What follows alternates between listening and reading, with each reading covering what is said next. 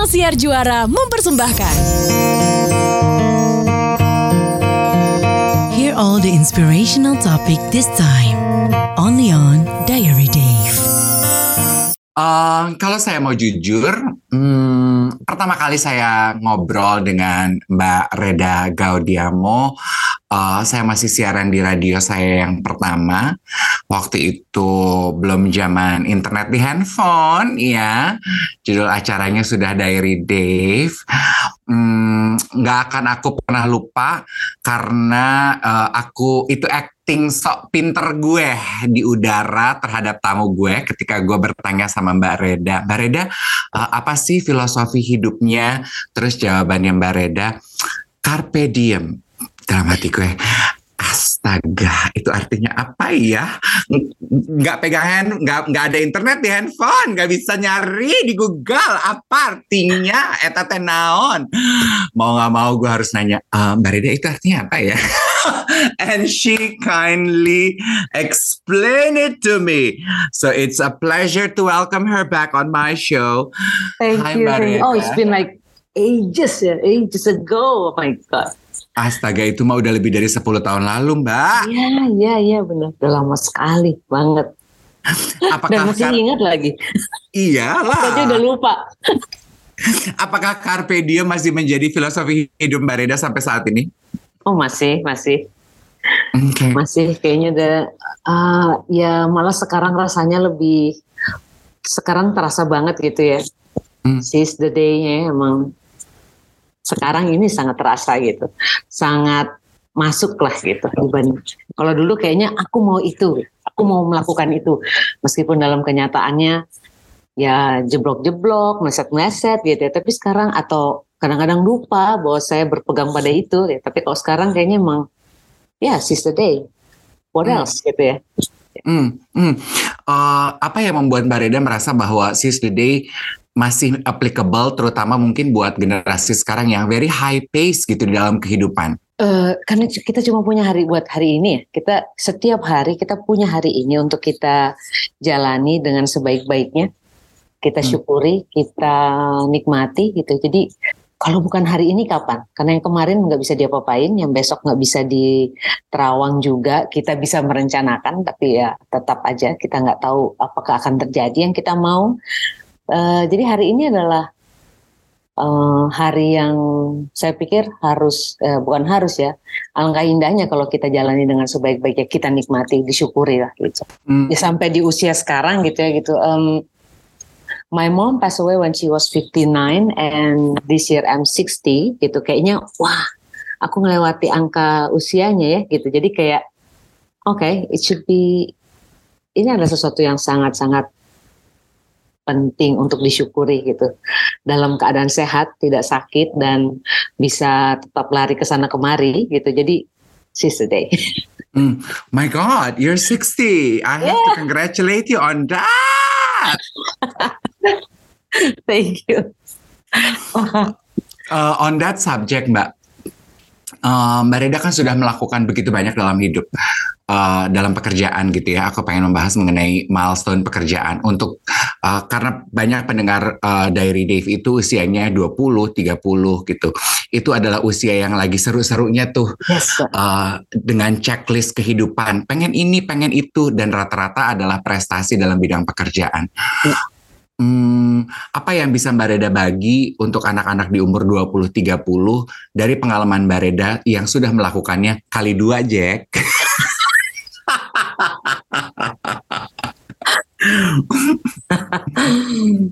apa yang uh, saya saya hanya ingin mengingatkan teman-teman muda aja bahwa apa pun ya, apa pun yang ingin dicapai hari ini, apa pun yang dicapai besok dan apa yang dijalani hari ini gitu, itu tetap harus uh, membawa hati kita dalam dalam apa yang kita lakukan gitu. Jadi kalau teman saya bilang saya belajar ini dari teman saya, partner kerja saya zaman hari-hari ahensi ya, sebagai anak-anak ahensi, uh, bahwa pakai hati, kerja itu hmm. pakai hati gitu. Ini bukan soal adu cepat, bukan soal adu kencang, adu berisik, adu banyak-banyakan foto di Instagram, adu rame-ramean followers di TikTok dan tempat lain, tapi semua apa pun, apa pun itu kerjakan pakai hati. Jadi misalnya contoh ya, kita uh, dalam ke keseharian gitu ya kita misalnya mengerjakan hal-hal gitu kita emang nggak diminta tidak diminta untuk membuat untuk merapikan meja kita atau nggak harus nggak harus uh, menyapa satpam atau siapa atau orang di office boy di kantor gitu but since you work in that office put your heart in it gitu pakai hatinya gitu. Sapa orang-orang itu, jadikan teman, uh, ngobrol, rapiin mejanya. Jadi, namanya juga meja itu adalah ladang kamu ya. So ya, yeah, put your heart in it. Sungguh-sungguh gitu. Ya, hmm. Kalau sungguh-sungguh tuh kan kayaknya kerja keras gimana, tapi kalau pakai hati saya pikir ada an ekstra mm, gitu ya, yang hmm. yang kamu uh, pakai di situ gitu.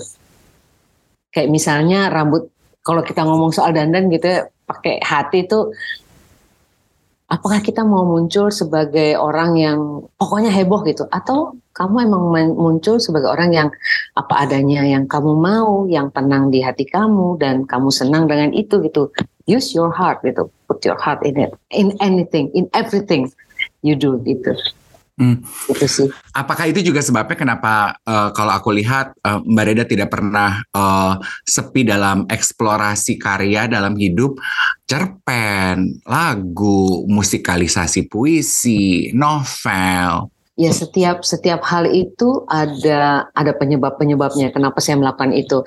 Tapi kalau tidak lelah eksplorasi, uh, mungkin saya pembosan ya Dev ya. Saya hmm. pembosan dan saya selalu uh, di kepala saya tuh selalu muncul pertanyaan kenapa enggak gini ya?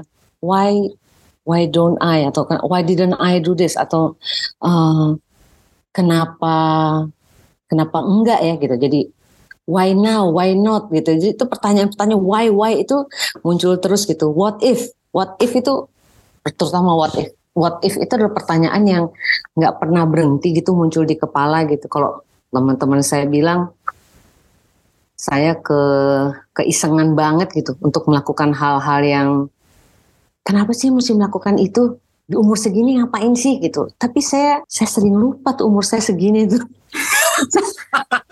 I like that. Aku tuh gak pernah inget gitu. Tuh, jadi kadang saya hanya ingat umur saya segitu kalau udah masuk ke grup uh, teman SMA ya, grup grup WhatsApp SMA. Terus selalu yang semuanya ribut soal cucunya, soal ininya, soal ini. Terus bang, ih saya enggak banget gitu ya gitu. Uh, jadi saya nggak memikirkan itu. Jadi saya cuma memikirkan bagaimana kalau saya melakukan ini, gimana kalau saya melakukan itu, gimana. Dan itu terkait dengan hal-hal yang saya suka gitu. Kalau misalnya nulis, menulis adalah alat saya mencari uang deh. Jadi hmm. uh, kalau orang bilang, kalau orang petani bawa cangkul, terus para uh, eksekutif membawa MacBooknya atau apanya itu, maka alat saya adalah kemampuan apa kesukaan dan kebisaan menulis. Karena dengan menulis saya jadi mendarat di berbagai pekerjaan dan uh, mulai dari wartawan, jadi uh, copywriter, creative director, jadi corporate communication perusahaan migas gitu, jadi terus kemudian jadi konsultan PR gitu semua semua bahan alat saya cuma satu itu aja. Jadi udah ibarat bawa serbet tinggal teng. Nah serbet saya itulah alat menulis. Nah jadi ketika uh, Dave bilang bertanya soal novel novel itu adalah uh, salah satu lanjutan dari alat nulis saya ini. Saya menulis ketika saya merasa saya perlu uang dan saya nyoba-nyoba ternyata dapat dari bikin cerpen. Terus dari bikin cerpen ternyata itu mendorong saya masuk jadi wartawan di majalah gadis. Dari situ juga menulis membuat saya jadi masuk jadi copywriter. Jadi kan alat nulisnya dipakai buat kerja tapi alat nulis yang sama. Ternyata kalau iseng-iseng nguping orang ngomong di kendaraan umum lucu juga ya kayak buat cerpen gitu. Jadi hmm. kalau musik saya pikir kalau saya nggak ketahuan bisa nyanyi zaman ospek ya mungkin saya nggak nyanyi sih. Saya saya bukan orang yang gara-gara ospek emang keterlaluan. Jadi ospek inisiasi pula ya Dev ya kan. Hmm, Kita hmm, kalau hmm, zaman fakultas berpenuh bahasa itu kan tolong udah ketahuan udah dress isi story ada apa-apa suruh nyanyi apa-apa nyanyi dari yang merasa tersiksa dan mengutuk-ngutuk gitu akhirnya jadi oh enak juga ya. Terutama ketika sudah mulai bekerja itu menjadi alat saya untuk katarsis balance gitu me menyeimbangkan dari kesibukan yang luar biasa tiba-tiba di akhir pekan bisa main sedikit main musik sedikit gitu. Jadi kenapa masuk musikalisasi puisi itu juga karena ketahuan nyanyi. Ada hmm. proyek musikalisasi puisi nggak mau bayar penyanyi itu ada anak mahasiswa luntang lantung gitu ya duduk-duduk di taman gak ada kerjaan gitu aja suruh nyanyi aja dia nyanyi lah gitu gratisan kasih nasi padang kelar gitu ya kelar. Jadi awal awalnya saya merasa itu hanya kegiatan kegiatan main-main gitu. Hmm. saya baru betul-betul memikirkan menyanyi musikalisasi puisi sebagai sesuatu yang serius dan pantas untuk dijalani dengan sungguh-sungguh itu tahun 2016 Kenapa bisa begitu? Karena saya bekerja di sebuah perusahaan minyak, migas, yang waktu kerjanya nggak boleh lebih dari 8 jam. Datang jam 7, jam berapa tuh? Jam 15, jam setengah 4 sudah harus pulang. Karena katanya nggak boleh lama-lama. Saya punya waktu banyak banget untuk ini gitu. Ya udah, nongkrong di mana terus disuruh nyanyi eh lucu juga ya udah seriusin tiba-tiba ada orang menawarkan diri jadi uh, manajer Ari Reda ya udah dicoba tiba-tiba tahun 2016 untuk pertama kali dalam hidup saya dan sebagai anggota grup Ari Reda tour keliling sebe, berapa ya 11 kota di Indonesia gitu. Umur segitu ya kayaknya. Oh lucu ya gitu. Umur 5 54 terus kemudian habis itu bikin album bikin apa bikin apa nah setelah itu saya mempersiapkan diri untuk uh, untuk pensiun dini. Jadi harusnya pensiunnya tahun ini, tapi saya mengambil pensiun 2017 akhir. Nah di situlah saya serius ngerjain semua yang Dave bilang itu. Hmm. Jadi kalau orang bilang saya ngapain aja ya saya ngapain justru sangat seri sangat mikirin itu justru baru lima enam enam lima enam tahun terakhir inilah sebelumnya hmm. saya adalah pekerja yang uh, to five, nine to ten, nine to hmm. nine to midnight sampai atau kadang nggak pulang gitu. Tapi dan kegiatan yang lain-lain itu hanya sebagai penggembira. Tapi belakangan itu saya ngerasa bahwa ya deh. Dan ketika orang bertanya why now? gitu. Maka jawaban saya why not? Why hmm. not apakah setelah berumur 50 sekian terus kita harus berhenti melakukan apa yang kita suka? Apakah kita harus berhenti nyanyi-nyanyi? Apakah kita harus berhenti nari nari-nari gitu di umur karena umur segini itu orang-orang orang-orang itu kan hmm. orang-orang gue enggak sih gue nggak mau jadi hmm. I don't know how I don't know how to stop that's the the thing maybe yeah hmm. uh, ini ini ini ini menarik ya karena uh, tadi Mbak Reda bilang, e, aku tuh lupa loh kalau umur aku tuh segini gitu. Cuman inget kalau udah di grup WhatsApp yang lain ngomongin cucu. Oh iya ya, aku tuh udah di usia yang semua sibuk dengan cucu gitu. Yeah, yeah. Uh, tapi the rest Mbak Reda kayaknya you never stop gitu. Uh, berarti untuk kita nih yang uh, kita kan taunya kalau kayaknya ngomongin masa pensiun itu dark and gloomy banget ya Mbak. Yeah. Full stop gitu kayaknya pensiun titik. Aduh gitu. Berarti keyword yang bisa kita pelajari dari apa yang dilakukan Mbak Reda adalah untuk tetap punya sesuatu yang kita bisa lakukan dengan hati untuk sumber kesenangan. Sehingga kita ya. tidak akan pernah merasa bahwa full stop pensiun selesai hidup gue ya. sampai di situ aja ya. berhenti sebagai manusia. Dah Nek. Iya, iya. Uh, mungkin ini klise ya Dave, tapi uh, kalau orang-orang sana bilang find your passion gitu ya. Kamu senangnya ngerjain apa? Hmm. Ya udah itu yang akan bikin kamu terus nyala terus yang sehingga kamu terus setiap hari itu adalah koma, bukan titik, bukan tanda seru, bukan ya udah gitu enggak, tapi kamu bangun dengan gue mau ngerjain apa hari ini ya gitu. Karena kamu punya sesuatu yang kamu suka. Uh, kadang-kadang kita ngerasa ketika bekerja kita lupa uh, kita merasa bahwa itulah yang kita suka ya bisa jadi kalau itu emang yang kamu suka ya udah make the most of it Terus gimana caranya ketika di kantor ini semua nggak ada dan keahlian yang kamu punya itu, kamu bisa apain itu dan tetap kamu jalani dengan gembira dia. Kok saya pikir sih itu ya. Paling penting itu sih, nemukan sesuatu yang selalu bikin kamu gembira ngejalaninnya. uh, out of my curiosity, uh, kan tadi Mbak Reda bilang gini, orang nanya, why now? Gitu. Why not? gitu. Emangnya uh, peersnya Mbak Reda gitu juga, mereka mempertanyakan gitu, ngapain lagi sih, Da? Gitu, lu semua oh. udah mau ngapain lagi? gitu. Oh iya, iya, iya banyak banget. Uh, peers uh, di SMA, teman SMA, beberapa, teman kuliah terutama, teman yang saya heran justru sebenarnya teman kuliah sih. Kan, kan nyanyi keliling-keliling ya, Dev, dan juga kadang-kadang ngajar pas nulis atau jadi narasumber untuk uh, menulis hmm. uh, atau membahas buku saya di mana gitu ya. Itu kan nanti kalau udah suka ada yang kepin foto ya, terutama hmm. yang musik sih, yang musikalisasi puisi. Itu kan teman-teman yang nonton umurnya nggak ada kayaknya lebih dari 35 gitu yang nonton tuh umur 18, 30 gitu ya kan. Terus kalau udah kan foto-foto dengan kekerenan dan gayanya mereka masing-masing. Nah, itu di grup kuliahan di Facebook. Di Facebook itu saya suka foto gitu. Lalu nanti ada yang, gila lo Red hari gini masih main berondong juga. Ingat anak dong, ingat cucu. Cuma, eh kok kenapa kenapa berpikir seperti itu ya gitu? Kenapa nggak melihat ini sebagai sesuatu yang saya tak dapat teman baru loh. Hmm. Saya rasa kalau saya nggak kenalan dengan teman-teman itu, saya nggak akan punya, saya nggak akan merasa ada kepentingan atau kepingin nyoba main hmm. TikTok misalnya. Hmm. Bahkan ngurusin Instagram juga mungkin udah kelar. Mungkin fotonya adalah kalau punya cucu ya, saya mungkin akan pasang foto cucu-cucu juga kali ya, mungkin ya gitu kalau seandainya. Tapi enggak gitu karena saya bertemu dengan orang-orang ini dan teman-teman baru saya ini yang umurnya uh, seumur anak saya gitu. Jadi kayak saya seperti nemu apa ya hal yang menakjubkan gitu dari mereka. Oh bisa gitu ya, oh gitu ya gitu.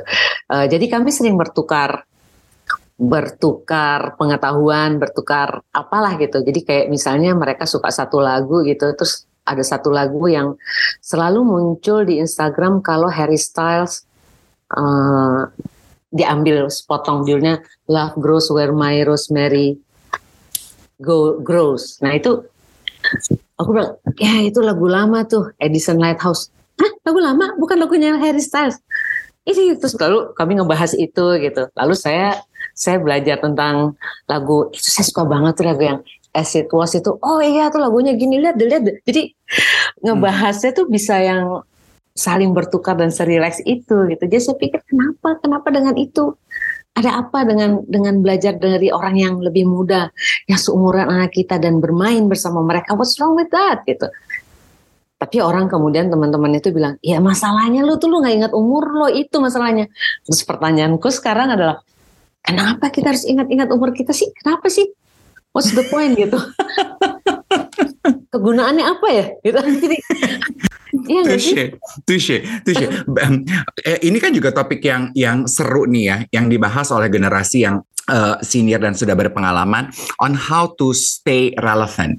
Berarti apa yang dipaparkan dari pengalaman ceritanya Mbak Reda adalah that's the key of staying relevant actually, yaitu to have an open mind, gitu ya Mbak? Iya, iya. To have an open mind, open heart, open mind, open heart um, karena di setiap pojokan gitu, di setiap pojokan kamu bisa belajar apa pun, di setiap orang yang kamu temui kamu bisa belajar apa aja gitu. Dengan tukang gado-gado yang lewat di depan rumah gitu, kamu bisa belajar bahwa jeruk limo yang baik adalah yang banyak keriputnya, misalnya. Hmm. Think simple things gitu. Kan ini sekarang tinggal kamu mau buka apa enggak? Mau buka pintu atau enggak? Mau buka hati atau enggak? Mau buka mata atau tidak. Teman-teman saya mengganti nama saya dari Gaudiamo menjadi Geleman karena apa-apa gelem. apa-apa mau. jadi jadi kamu tuh emang apa-apa mau. Bukan apa-apa mau, tapi semuanya tuh begitu menarik ya. Begitu apa ya, menggoda gitu. Jadi saya nggak punya rem untuk menahan untuk tidak tergoda gitu. Jadi kalau orang nunjuk bahwa enggak lu tuh begini-begini, uh, saya baru ingat oh ya ya tapi itu saya tanya balik lagi emang kenapa? Kalau saya mau merekam itu terus kenapa? Gitu. Jadi dan mereka nggak punya jawaban balik dari itu oh ya udah berarti nggak apa-apa dong gitu. Hmm, oke. Okay. uh, eh, sedikit mengenai uh, dunia tulis menulis nih mbak. Uh, perubahan apa yang mbak Reda lihat dalam dunia tulis menulis gue takut menyinggung gitu ya oke okay. uh, sekarang itu kan lepaskan lepaskan lepaskan ya lepaskan, lepaskan. daripada jadi bisu it's, it's a diary right it's a diary so just uh, sekarang itu kan kayaknya ya mbak ya aku tuh kan sangat suka membaca berita, artikel ya. gitu ya. Terus sekarang tuh aku tuh banyak kecewa gitu loh Mbak. Ini pendapat pribadi saya ya Mbak. Hmm. Uh, dengan clickbait, dengan berita yang muncul di portal-portal berita yang judulnya apa, beritanya tuh kayaknya cetek banget. Dari bacaan judul gue berharap artikel yang dalam kok enggak gitu. Terus kan ini juga jadi diskusi banyak orang nih Mbak. Emang zamannya udah gitu deh, udah beda nek. Lu mah tua banget deh. Bla bla bla bla bla bla. Aku pengen tahu aja what's your take on that gitu.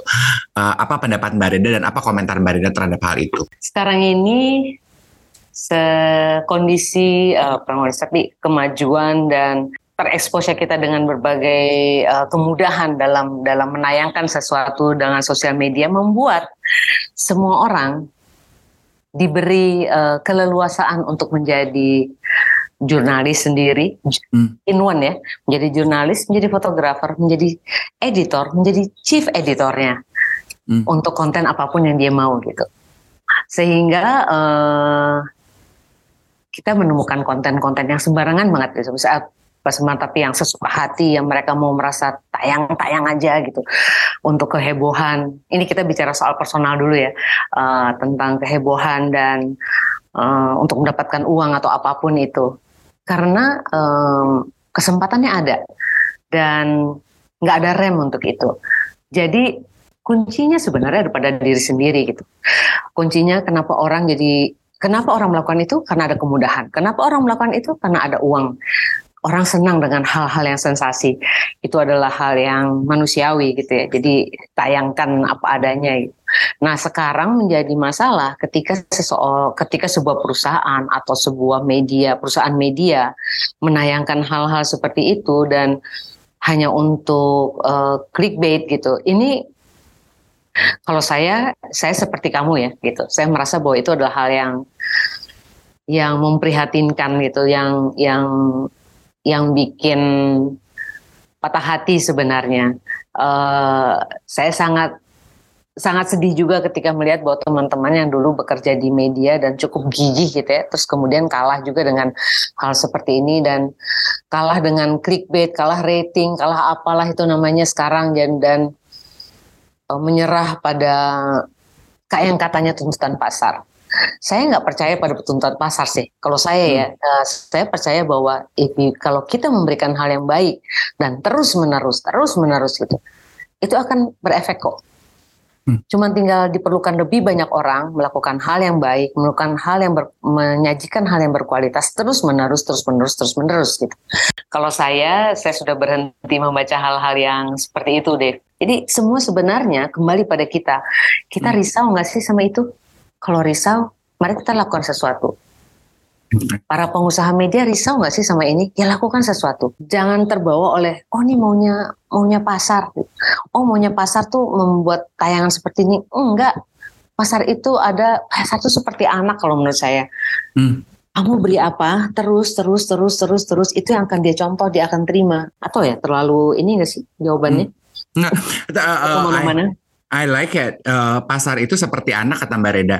Uh, tergantung yeah. lo, lo nya yeah. sebagai orang yeah. tua, what you feed on yes. to the child.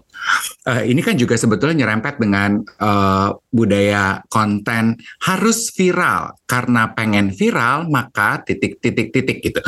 Uh, iya kan? Aku pikir kesedihan yang sama juga bisa kita lihat gitu ya Mbak ya. Aduh yeah. kok begini banget sih nyari iya. viral yeah. viral yeah. nek gitu. Iya. Yeah. Uh-uh. Kayaknya budaya kita tuh menireceh pisan emang katanya orang senangnya begitu sementara gue tuh merasa enggak gitu kok nek gitu loh mbak enggak, ya kan enggak. and I find the answer so th through your your uh, uh, uh, explanation ya itu seperti membesarkan anak. Emang kitanya ya. aja nyekokinnya kayak begitu. Permen ya. lulu ya gimana nggak dia doyan gula? Iya iya. Iya betul betul.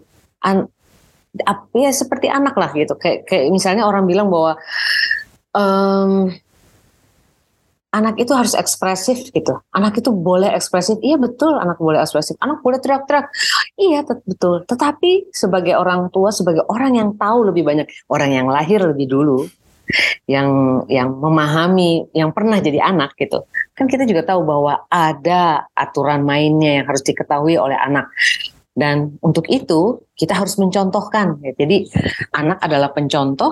Jadi begitu juga dengan masyarakat luas gitu harus ada contohnya. Pemimpinnya bilang apa pemilik perusahaan media bilang apa teruslah gigih lah sama itu. Jadi kayak hmm, misalnya anak yang cengeng gitu. Kayak misalnya uh, uh, saya adalah anak yang super cengeng banget zaman kecilnya deh cengeng abis deh sampai. Jadi kalau saya mau sesuatu ya dan dan ibu saya nggak ngasih saya tuh bisa nangis nangis nangis nangis nangis nangis, nangis berjam-jam. Sampai tapi ibu saya tidak pernah memberikan apa yang saya mau. Kalau dia kesel sama tangisan saya dia pergi aja ke rumah tetangga dia namu gitu rumah tetangga terus nanti pulang kira-kira anaknya udah berhenti nangis belum ya? Begitu lihat anaknya udah ketiduran di lantai karena kecapean ya udah dia mulai masak apa-apa gitu. Tapi tidak pernah dia berikan apa yang saya minta dengan nangis-nangis itu dan tidak pernah dia berikan apa hal yang saya minta hanya karena saya kepengen bukan karena hal yang saya butuh. Nah dari situ saya belajar bahwa ketika punya anak saya belajar itu dari ibu saya. Jadi dia bilang semua teman aku punya PS terus kalau teman kamu lompat dari jurang terus kamu lompat juga? Ya enggak. Ya udah nggak usah nggak harus gitu. Kan kamu nggak butuh itu. Kalau nggak kalau nggak punya PS kan badanmu nggak gatal-gatal. Ya enggak ya terus? Oh ya ya udah. Jadi saya belajar dari situ terus kalau kita lihat lebih besar lagi ya masyarakat begitu juga gitu. Harus diajarin ini baik buat kamu. Nggak enak rasanya tapi baik buat kamu Coba deh, coba deh, coba deh. Ini baik buat kamu. Coba lakukan ini. Ini nggak baik, jangan lakukan. Gitu. Konsistensi dan niat bahwa yang kita lakukan untuk kebaikan mereka, saya pikir itu yang harus di kebaikan orang banyak gitu. Itu yang harus dipegang gitu. Bukan soal viral, bukan soal nanti dapat duitnya berapa, bukan hmm, gue untung berapa gitu. Apakah itu juga yang uh, menjadi dorongan Bareda membuat konten hashtag buatna di TikTok karena punya niat untuk meneruskan pesan-pesan baik kepada generasi digital kita? Kalau itu sebenarnya niatnya adalah saya pengen ngobrol sama anak saya yang jauh banget tata tinggalnya. Jadi um, oh. Kami, uh, anak cuma satu ya, terus sekarang sudah sebagai anak cuma satu memutuskan bekerja dan akan uh, tinggal seterusnya di Jepang. Oh.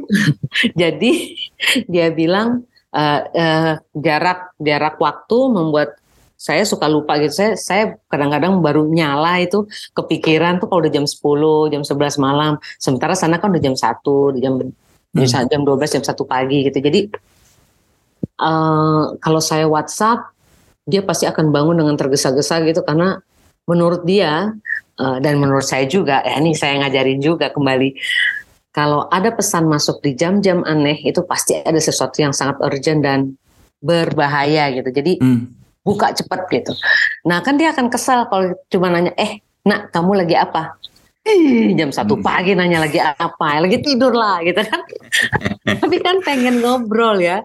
Hmm. jadi atau pengen mengingatkan sesuatu tiba-tiba terpikir sesuatu sebagai anak yang punya anak yang jauh banget di negeri orang gitu ya ya saya ingin mengingatkan dia hehehe jangan lupa ini jangan lupa ini. Uh, Facebooknya dia udah nggak punya Facebook karena menurut dia it's for the oldies. Terus uh, Instagram dia jarang-jarang buka dia hanya buka kadang-kadang aja. Eh ternyata dia punya TikTok dan cukup rajin di TikTok gitu. Ah saya pikir aku ngobrol sama dia lewat itu aja deh. Kalau kapan pun dia mau lihat, dia bisa baca. Kapan pun dia merasa ingin mengulangnya, eh silakan gitu.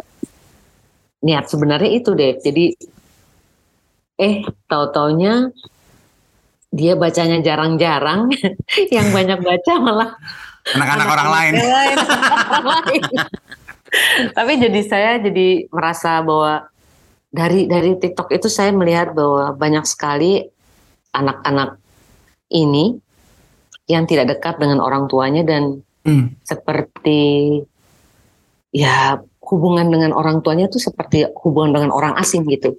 Hmm. Ayah ibu adalah sosok yang agak menakutkan gitu, yang agak nggak bisa didekati, yang keras, yang galak gitu. Terus mereka punya pertanyaan banyak, kekhawatiran banyak, terus nggak tahu mau nanya apa, kalau nggak bisa berbagi ke siapa. Ketika berbagi pun dianggap gitu aja loh, Hmm. cengeng gitu. Jadi kayak nggak nggak dianggap penting gitu, bukan kayak tapi mereka memang banyak sekali yang nggak dianggap penting oleh orang tua. Jadi akhirnya jadi jadi saya merasa oke, saya ba- saya saya bagikan apa yang saya tahu deh. Saya kalau saya bisa bantu kalian dengan mendengarkan, dengan menjawab pertanyaan, yuk, mari kita lakukan. Itu sih. Hmm. Oh. Dan feedbacknya so far sejauh ini positif, Mbak? Oh, positif, positif sekali. Jadi eh, kalau misalnya positif sesuai dengan para pengusaha media itu adalah jumlah followers ya. Aduh. Eh, sejauh ini saya punya 366 ribu anak virtual dan ada 6,4 juta. Kalau tanya soal likes ada 6,4 jutaan likes gitu. Eh, setiap saya jarang sekali menjawab lewat message uh, kalau message di TikTok. Jadi saya selalu menyarankan mereka untuk me- bertanya kepada saya di Instagram karena kayaknya lebih enak aja gitu formatnya buat saya ngejawab lebih enak di situ. Setiap hari, setiap hari, saya bisa bilang setiap hari, saya pasti punya satu anak yang bertanya tentang apa aja. Ada yang Hmm. bertanya kayak kemarin bertanya tentang dia manggil saya mak kayak saya anak saya manggil saya mak kalau pacar kamu ngirim pesan kayak gini menurut mak dia cinta sama aku apa enggak terus langsung udah intronya itu lalu dah screenshot semua WhatsApp dia pas pacarnya uh gitu terus yang makanya terus kemudian dari situ saya bilang kamu bilang dia kekasihmu ya kekasih itu bukannya orang yang memberimu kasih ya kalau isinya seperti ini marah-marah, bicara sangat kasar, em, menganggap kamu begitu rendah, kasihnya di mana ya? Pantas gitu dipertahankan? Kasihan sama hatimu gitu. Iya, aku juga udah merasa begitu, tapi aku ragu. Jadi, Oke, oke. Ya, jadi, ya hal-hal seperti itu. Jadi, ada yang ngirim uh, voice note sampai 10. Depannya cuma tulis Ibu, titit titit, terus dang dang dang dang dang dang dang dang. Mungkin saking penuhnya nggak bisa jempolnya meleset meleset terus juga gitu. Jadi oke dengerin satu-satu, dengerin satu-satu. Aduh, aduh dan itu udah sembari nangis apa gitu. Saya khawatir pada pada kondisi mereka, tapi saya lebih tapi saya juga merasa apa ya mengkhawatirkan orang tua mereka gitu yang yang nggak tahu bahwa anaknya menghadapi masalah sebesar itu gitu masalahnya kadang-kadang sesepele eh, put- putus atau ditinggal teman atau bisa hamil dengan oleh pacar atau kena atau bullying atau Hmm. Seksual harassment gitu. Dan orang dan mereka nggak berani bilang pada orang tuanya. Hmm. karena takut nanti orang tuanya pasti ngamuk ngusir apa gitu. Jadi kalau membantu mereka itu membutuhkan waktu saya sejam dua jam tiga jam dalam sehari ya buat saya kenapa enggak gitu. Kalau itu bisa membuat mereka lebih lega atau ter merasa terbantu gitu ya kenapa enggak itu mungkin kasus terberat dari dampak dari buatna adalah ketika seorang anak diharas oleh ayahnya Hmm. and she got pregnant Uh. ya that's very serious gitu sehingga sampai saya dan beberapa saya menghubungi beberapa teman di sini untuk mencari bantuan bagaimana mengeluarkan anak itu dari rumah ayahnya Eh, sementara dia tuh jauh di wilayah Indonesia Timur sana. Jadi ya butuh waktu dan butuh kehebohan dan mem- membuat satu kehebohan yang lumayan. Uh, makan waktu, makan beberapa hari. Pada saat itu dia mau mau ujian, jadi kebayang gak sih ya seberapa paniknya anak ini mau ujian, tapi hamil, tinggal di ayahnya, ayahnya tahu itu salah, tapi makanya anak ini selalu di, diikuti ketat gitu di sekolah. Jadi kami memikirkan cara untuk membuat dia bisa kabur dari sekolah tanpa lewat pintu depan, ditolong sama siapa, bisa nginep di rumah pendeta di mana di mana. Jadi waduh, it's, it's a village to raise a kid. Jadi, ah, jadi um, mungkin itu kasus kasus terparah ya. Kalau soal cutting, soal hmm. mau bunuh diri itu juga lumayan ada selama dia mau memberi saya kesempatan untuk mempertemukan dia dengan pihak yang lebih kompeten, saya uh, cukup lega untuk itu lah. Hmm. Uh, emang bener ya ternyata ya uh, rupanya memang generasi yang heboh di uh, sosial media ini juga banyak membutuhkan uh, safe place untuk mereka bisa menjadi diri mereka sendiri ya Mbak ya. Ya, banget banget. D dari pengalaman uh, konten hashtag buat naknya Mbak Reda Geleman di TikTok. kalau kalau boleh gitu ya memanfaatkan momen ini di Diary Dave, Mbak Reda bicara kepada orang tua orang tua di luar sana. What would you say to them? Aku akan minta mereka respect anak mereka. Aku hmm. minta mereka menghargai anaknya itu bukan sebagai properti, bukan sebagai trofi yang membanggakan, bukan sebagai banyak sekali orang tua yang merasa bahwa ketika anaknya berprestasi itu adalah kebanggaan mereka. Jadi anaknya harus berprestasi, harus pinter, harus ini, harus juara, harus apa gitu. Anaknya menikmati itu enggak. Saya ingin orang tua, yaitu tadi respect, melihat anaknya dengan cinta kasih ya gitu. Kita kalau kita bicara cinta kasih, kita tidak bicara soal memberi, memberi, memberi dan akhirnya memanjakan, tapi juga memberi mereka pengetahuan, memberi uh, membuatkan aturan yang jelas, memberi arahan gitu, pendidikan yang baik.